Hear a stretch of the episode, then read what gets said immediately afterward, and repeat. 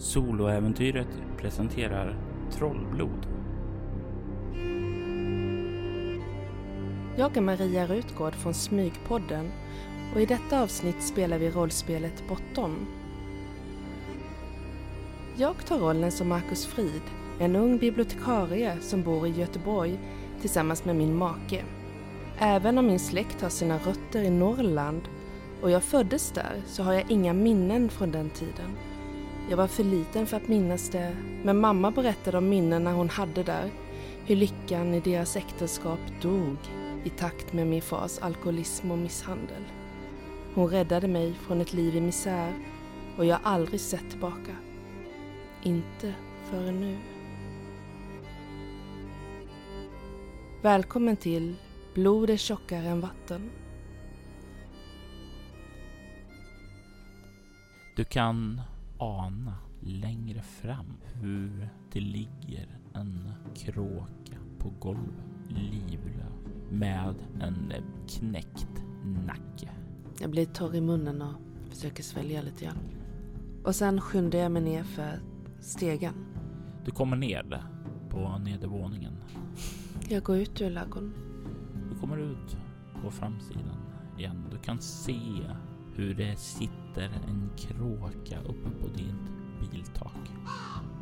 Man skulle kunna tro att jag matar den med brödsmulor. Så som de mm, gillar den bilen. Mm. Jag säger ingenting till den utan blänger lite grann och går ett varv runt lagorn. Du kommer runt på baksidan av lagorn. Du kan se att det finns en liten äng åt ena hållet. Men det finns också en sjökant här, eller rättare sagt en kant vid träsket.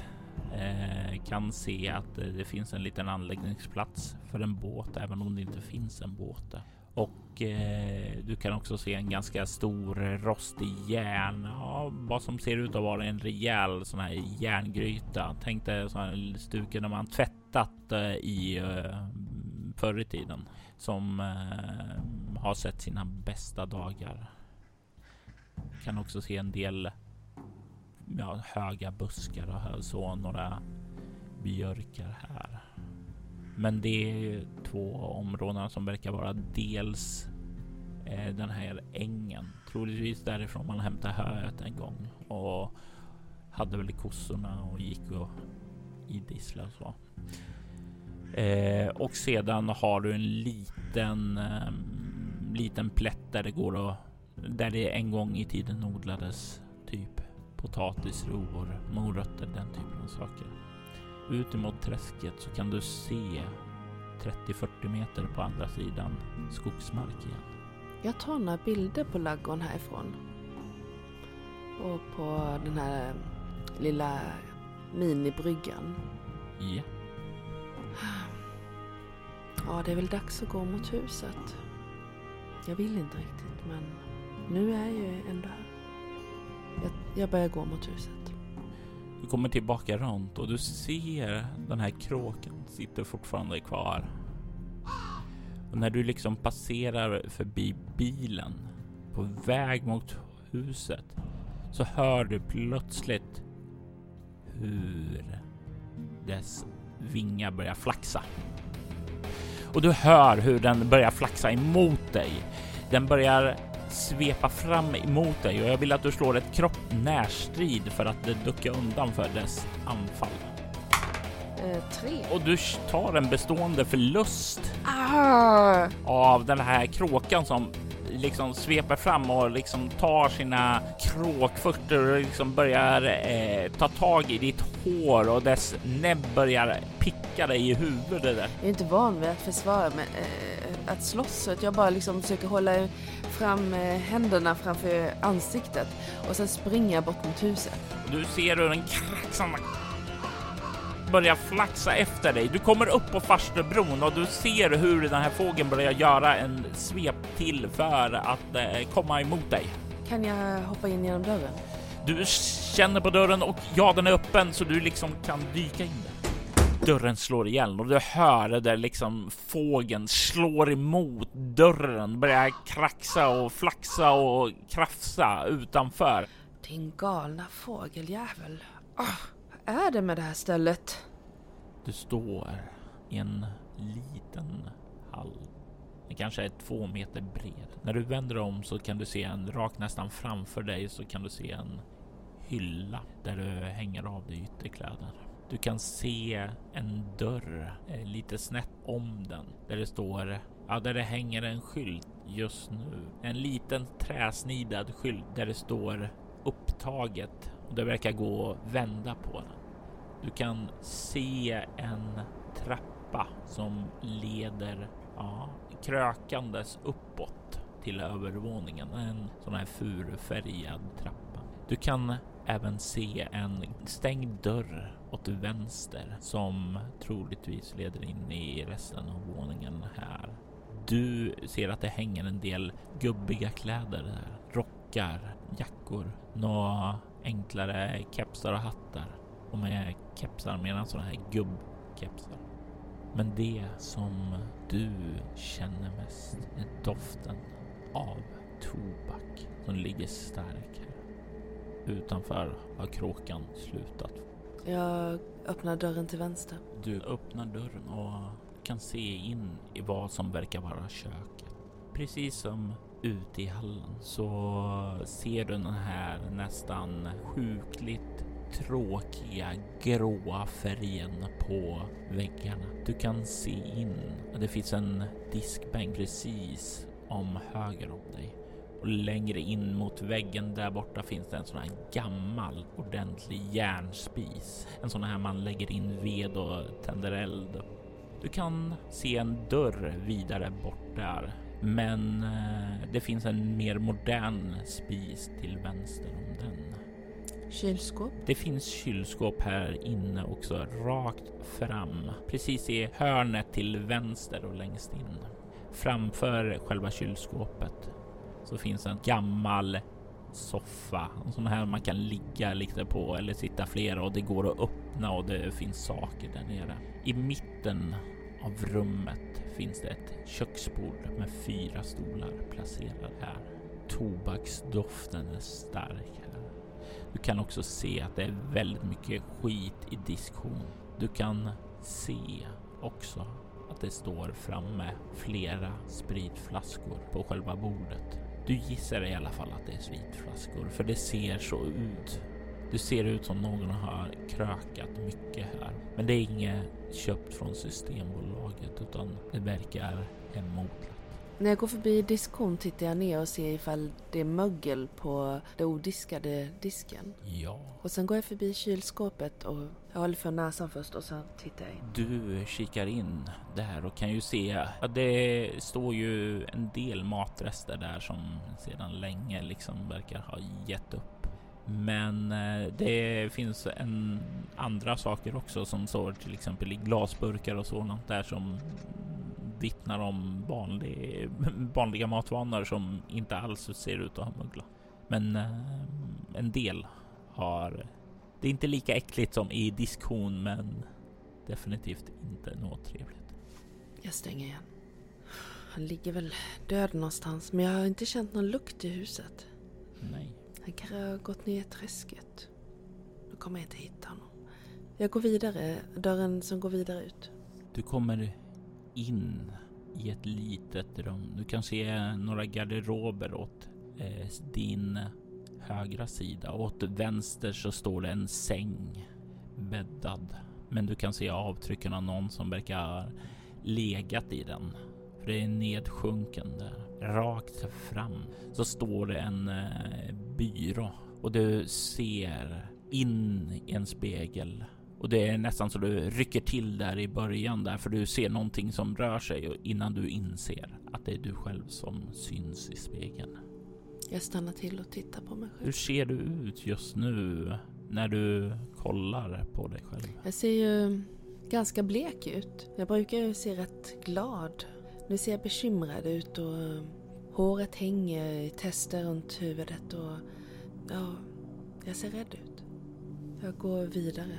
Just på väg att kliva undan från spegeln så är det någonting i spegeln som du inte kan se, men någonting som känns fel. Som om någon står precis bakom dig, men du kan inte se det i spegeln. Jag vänder mig om. Du tycker dig känna en doft av förruttnelse.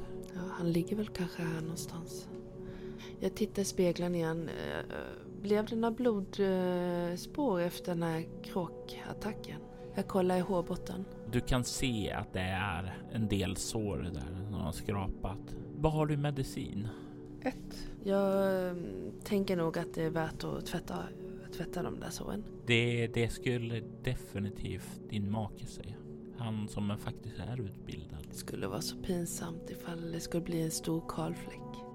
Ja, jag går till köket och tvättar lite grann med vatten och kollar om det finns någon sprit kvar i de här flaskorna. Du kollar först sprit och kan se att ja, det verkar finnas en slatt kvar i den ena flaskan. Så då tvättar jag av såret och sen tar jag lite sprit på det. När du går bort för att dra på vattnet så kan du höra dunkande ljud som kommer från rummet bortom det. Du kan höra hur det liksom hostar plågsamt i de här järnrören som går där innan det börjar sprutta ut brunt äckligt vatten. Uh, det här vill jag inte ha. Och det du ser den sprutar stänger av det. Ja. Och du kan se också de sista dropparna liksom rinner ut där. Att du verkar få upp inte bara den här brunfläcka utan du verkar komma upp nästan sand i vattnet. Det får vara sprit rakt av. Och du tar och försöker badda såret där. Jag tar en näsduk och tvättar. Du gör ditt bästa för att göra det rent. Jag går tillbaka till spegeln. Det är viktigt att ha en, en hälsosamt och vackert hår. Va? Tung andhämtning bakom dig och du känner nästan den här varma utandningsluften i nackhåren. Är det någon där? Du snurrar runt, men du kan inte se någonting där. Men du får den här samma känsla av att du inte är ensam. Ja, nu är det väl färdigtvättat. Jag tar och lägger mitt hår så att det döljer det här såret. Du ser här att det finns en dörr vidare. Mm. Eh, Jag håller kvar flaskan, spritflaskan i handen och går vidare. Jag vill att du tar och slår ett kroppskräckslag. Eh, nu har jag ju minus ett i kropp eftersom jag har en bestående skada, så fyra. Du får en skräcknivå då du öppnar dörren. För det första du ser är en stor kråka med uppspända vingar som står och liksom nästan med öppen mun är på väg att attackera och du ryggar undan av det innan du ser att det är en uppstoppad sådan som står på en hylla längre bort i rummet. det var bara uppstoppad. Ah. Du stirrar in i vardagsrummet. Du kan se en bäddsoffa. Den är, ja, den är, har sån här blå klädnad på sig, men du kan se vid armstöden att det verkar extra slitigt. Som om någon alltid har suttit med armen just där. Vid sidan kan du se en fåtölj. Alla där verkar riktad mot eh, andra sidan väggen där det står en gammal rejäl tjock-tv. Och det är en sån här gammal att den troligtvis inte ens har möjlighet att visa bilder i färg. Du kan även se att fönstret här blickar ut emot träsket. Längst in kan du se en gammal chiffonier med en gammal stängd chiffonier. Du ser neddraget och du kan se lådor där under. Jag blir nyfiken och tänker att jag, det kanske finns några gamla foton från min mamma och pappa när de träffades.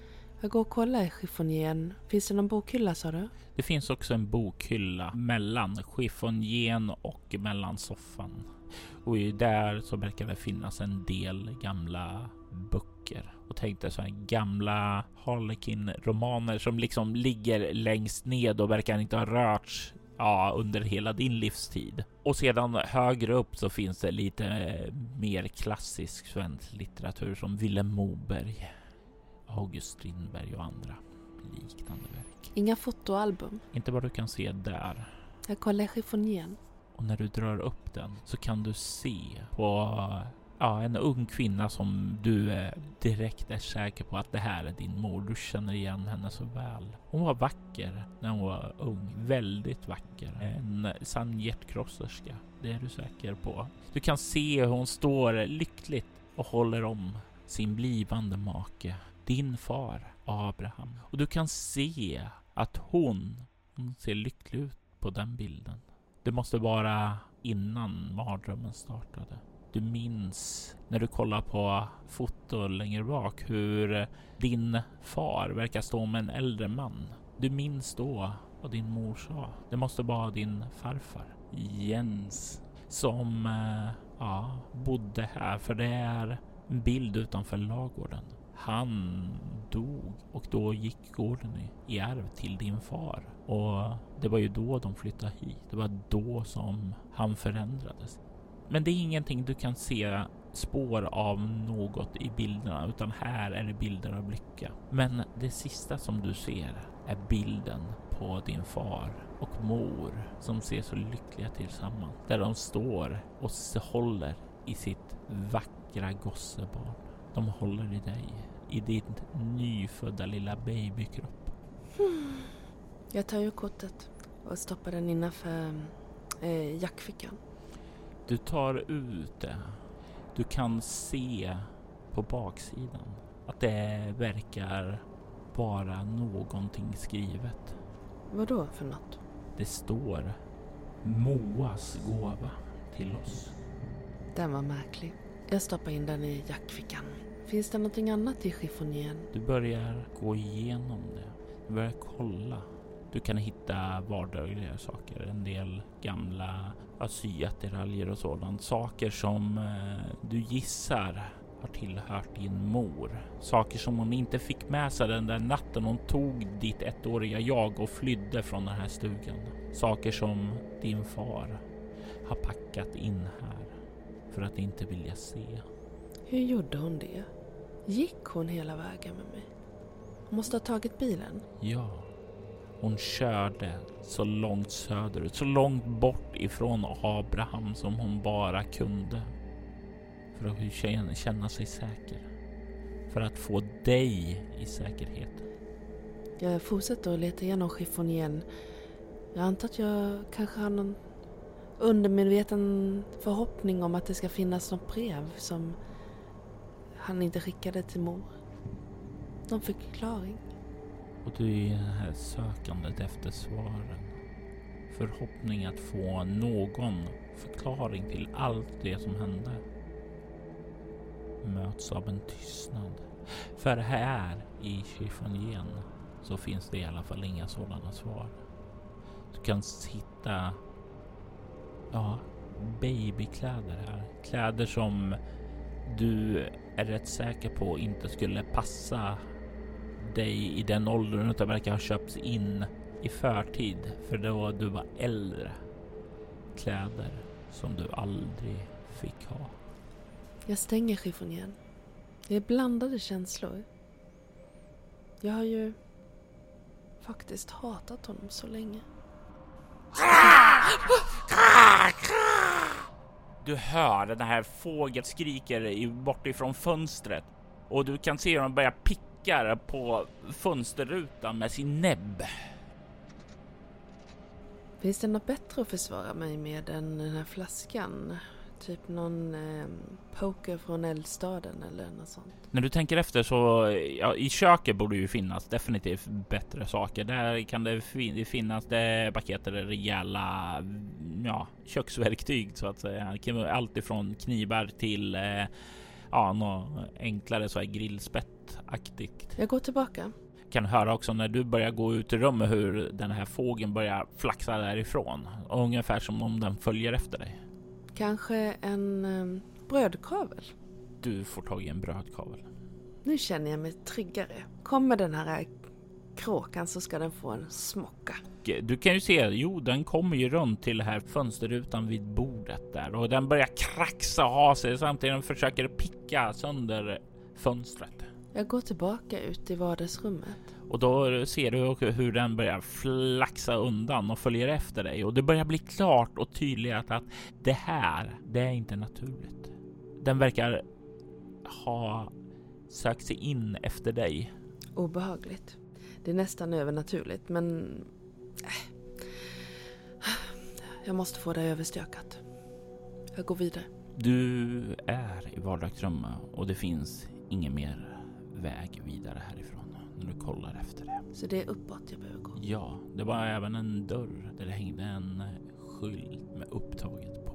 Jag öppnar dörren och tittar in. Du kan kika in och eh, du kan se att det är en toalett. Handfat precis åt vänster. Det är inget stort utrymme. Du kan se rör som verkar gå ledningar upp till en stor varmvattenberedare som hänger framför den. Du kan se också en eh, liten eh, öppen gång vidare som leder in till ett litet utrymme där det är ett badkar. Det här eh, är troligtvis, gissar du, en tillbyggnad eh, som inte var när själva huset byggdes utan någonting som har kommit senare. Kanske någonting som har rustats upp när man har, ska ha en familj. Det ser övergivet ut som det inte har använts på länge.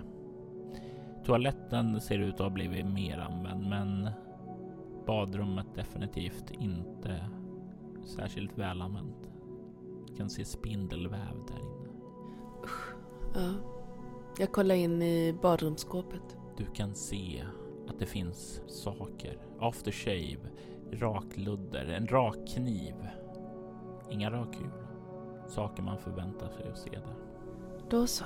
Då är det väl uppe på vinden som han är. Verkar det ha funnits någon källare här? Har jag sett något tecken på att det var något ställe som hade en källare? Du kan slå ett svårt slag med eh, kropp obemärkt.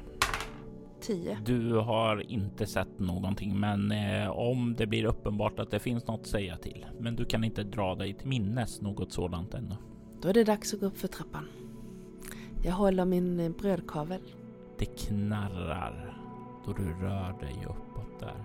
Du känner också ett så här obehag i magen börjar liksom bli starkare. Du minns brevet där. Att han skulle ändra sitt liv. Och det är som om när du rör dig uppåt här. Att ja, det är allt mindre utrymme. Vilket kanske betyder att du kommer allt närmare och får se din far igen. Jag stannar till i trappen. det börjar bli lite tryck över bröstet och... Eh, jag känner mig lite yr.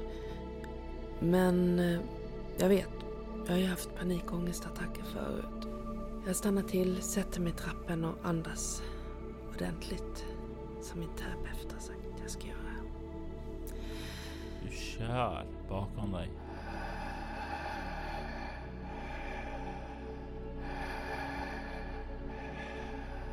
Tycker dig också, förutom den här varma utandningen i nacken, känna doften av tobak.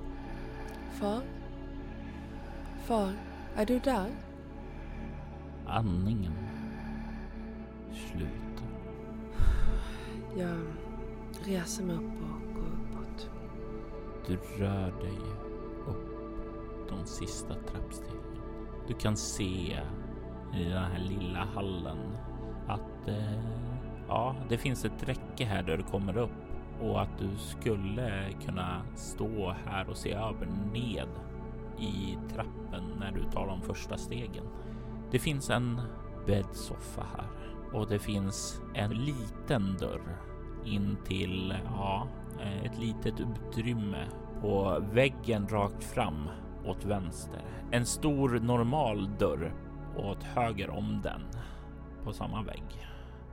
Och på den här väggen vid trappan där du kommer upp finns det också ett rum med en dörr. Vi börjar med rummet eh, bredvid trappen. Du drar upp den och kan stirra in i ett ofärdigt rum. Ett rum som inte verkar byggts klart. Golvet där är eh, sporadiskt utläggda plankor, men du kan se igenom där och kan se isolering där under. Du kan se att det inte finns ordentliga väggar som är isolerade här, utan det är, ja, du ser nästan plankorna rätt ut där. Du kan se upp i taket där du ser taknockar och ofärdigt. Det finns frysbox åt höger precis där du kommer in.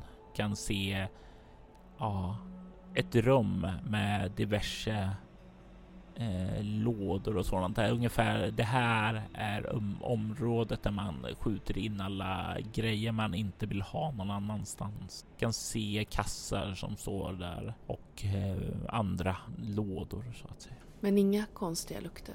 Det som sticker ut är att det faktiskt, när du lyktar in här, är det första rummet där tobaksdoften inte är särskilt närvarande. Okej, nu går jag vidare åt andra hållet. Två dörrar framåt, ett liten dörr och ett stort rum. Jag tar den lilla dörren först. Du drar upp den. Den, den kärvar lite som om nästan dörren har svällt igen. Men om du vill så kan du forcera den med lite styrka. Mm. Ja, det knakar till då när du får upp dörren och det knastrar till för det är liksom dörren är i stort sett nästan byggd här med masonit på vardera sida så det knastrar en del. Du kollar in i ett liknande ofärdigt rum. Du kan se dock att det verkar inställt en sån här tältsäng här inne. Du kan se längst in också att det står en barnsäng och det hänger ovanför en, ja, nästan som tänkt en sån här mobil som leder ner med någonting som gungar lite här, som om den hade påverkats av vinden. Det känns inte märkligt att det skulle ske för det är, du känner liksom draget av vinden här. Det är inte tätt. Och du känner också att vem skulle vilja lämna sitt barn här inne? Jag går runt och kollar lite grann. Rummet är kanske en och en halv meter bred så det är inte så mycket att gå runt här inne utan men du kan röra dig in. Kan se att sängen ligger fortfarande obäddad. Du kommer fram till den här mobilen som hänger och du kan se en sak. En sak som är väldigt, väldigt konstig, obehaglig. Jag vill att du slår ett utstrålning skräckslag svårighetsgrad 10. Nio. Du får en skräcknivå då du ser att vad som hänger där är en konserverad kråka med ögonen och munnen vid öppen i ett plågsamt skrik. Du hör i ditt huvud Kråkorna, kråkorna Marcus. Frukta alltid kråkorna. De är inte våra vänner, de är våra fiender. Och du inser att det är ett minne. Ett minne från tiden innan du var ett. Du, du minns du låg här. Du minns hur din far sa det där och hängde upp den där ovanför sängen. Du minns hur du grät skräckslagen när den här hemska kråkan flaxade runt det var i alla fall det du trodde då. Du inser nu att den bara gungade i vinden.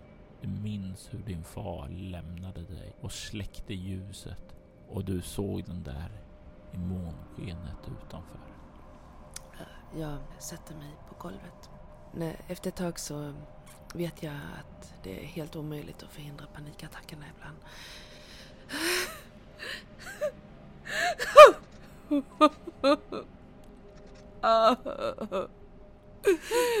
Och du hör hur dörren till rummet den slår igen. Och du kollar upp däremot och du känner hur plötsligt små vingtag börjar tas ifrån den här kråkan. Hur den börjar komma till liv. Hur den börjar att flaxa. Hur den rör sitt huvud och jag vill att du slår nytt kropp skräckslag 10. Fyra. Du får två skräcknivåer. Jag snavar fram bort mot sängen, tar fram brödkavlen och börjar slå. Okoordinerat och, och, och allt vad jag kan på, på kråkan. Och den har inte hunnit få tillräckligt mycket liv i sig för att göra motstånd, så du liksom träffar den så den far in i väggen. Du hinner slå den en gång till mot väggen innan den glider ned mot golvet och du fortsätter att slå, slå. Blodet splattar upp, stänker över dina händer. Den är död. Du har dödat kråkan. Du har gjort precis, precis som din far sa. Du ska frukta kråkan. Kråkan är din fiende. Eh, jag tittar på blodet på brödkavlen. Du, när du kollar tillbaka på blodet så ser du inget blod. Du ser den konserverade fågeln som du har klubbat ihjäl.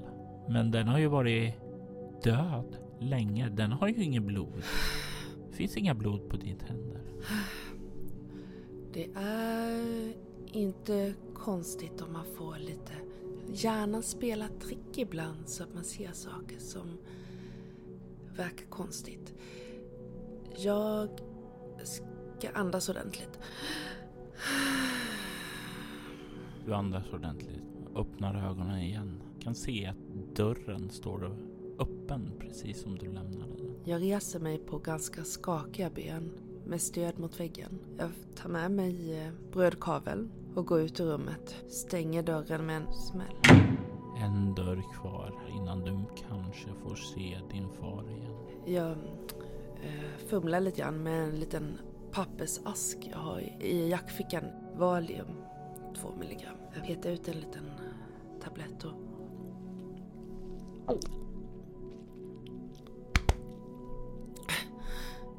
stoppa tillbaka Är den uh, legitimt utskriven eller var det från tiden då din make fortfarande arbetade som läkare? Det var från den tiden. Han såg att jag plågades av panikångestattacker. Och som de vänliga själ så gjorde han det rätta. Inte nödvändigtvis det som var det lagliga. För när någon man älskar lider, då vill man göra allt för att hjälpa den. Mm. Står framför dörren. Dörren till det sista rummet. Det var ett tag sedan jag tog de här tabletterna. Jag hade lite problem. Hannes insåg att jag blev beroende av dem och insisterade på att vi skulle sluta. Att jag skulle trappa ner och det var den värsta veckan i mitt liv. Och sen hade jag de här kvar för säkerhets skull. Visste Hannes om att du hade dem eller var det något du höll ifrån honom? Jag ville inte bekymra honom med dem. Jag har åtta tabletter kvar. Nu när jag tog tabletten, jag känner mig lite lugnare även om jag vet att de inte har börjat verka. Axlarna sjunker lite grann. Jag tar nästa rum. Du tar tag i handtaget och drar upp dörren. Och ut ur rummet så känner du en kraftfull doft av hembränt och tobak som väller över dig. Och det är en väldigt, väldigt stark doft, men det är ingenting emot den kraftfulla förruttnelsestanken som liksom tränger in i, över dig och tränger in i dina näsborrar och letar sig ner och fastnar längs med hela ja, innanför näsan och nästan ända ner i halsen. Jag tar min eh, näsduk och eh, sätter över näsan. Det tränger ju fortfarande in, men det, det, det är bättre. Det är bättre. Det är mycket bättre än... Jag visste ju det. Åh, oh, vidrigt. Åh! Oh. Häng anda. Kollar in och du ser att det finns möblemang. Det som fångar fulla fokus. Mannen som hänger i en snara från taket. Du ser han där. Mannen som har varit en så stor del av ditt liv. Där kan du se honom. Du kan se din make Hannes Storm. Marcus Frid spelades av Maria Rustgård och spelledare var Robert Jonsson. Statistroll i detta avsnitt var Mattias Lundmark som spelade Abraham Grimberg. Temat till Trollblod komponerades och framfördes av Andreas Lundström Övrig musik i detta avsnitt gjordes av Adrian von Ziegler och God Body Disconnect. Godbody Disconnect är ett av skivbolaget Cryo Chambers många fantastiska band. All musik används med artistens tillåtelse och vi rekommenderar er att ni spanar in länkarna som finns i inlägget till detta avsnitt. Trollblod produceras av Robert Jonsson till rollspelet Bortom. Soloäventyret finner du på iTunes, bortom.nu och Facebook. Om du har lust, lämna gärna en betyg eller recension på iTunes eller Facebook. Tack för att du har lyssnat.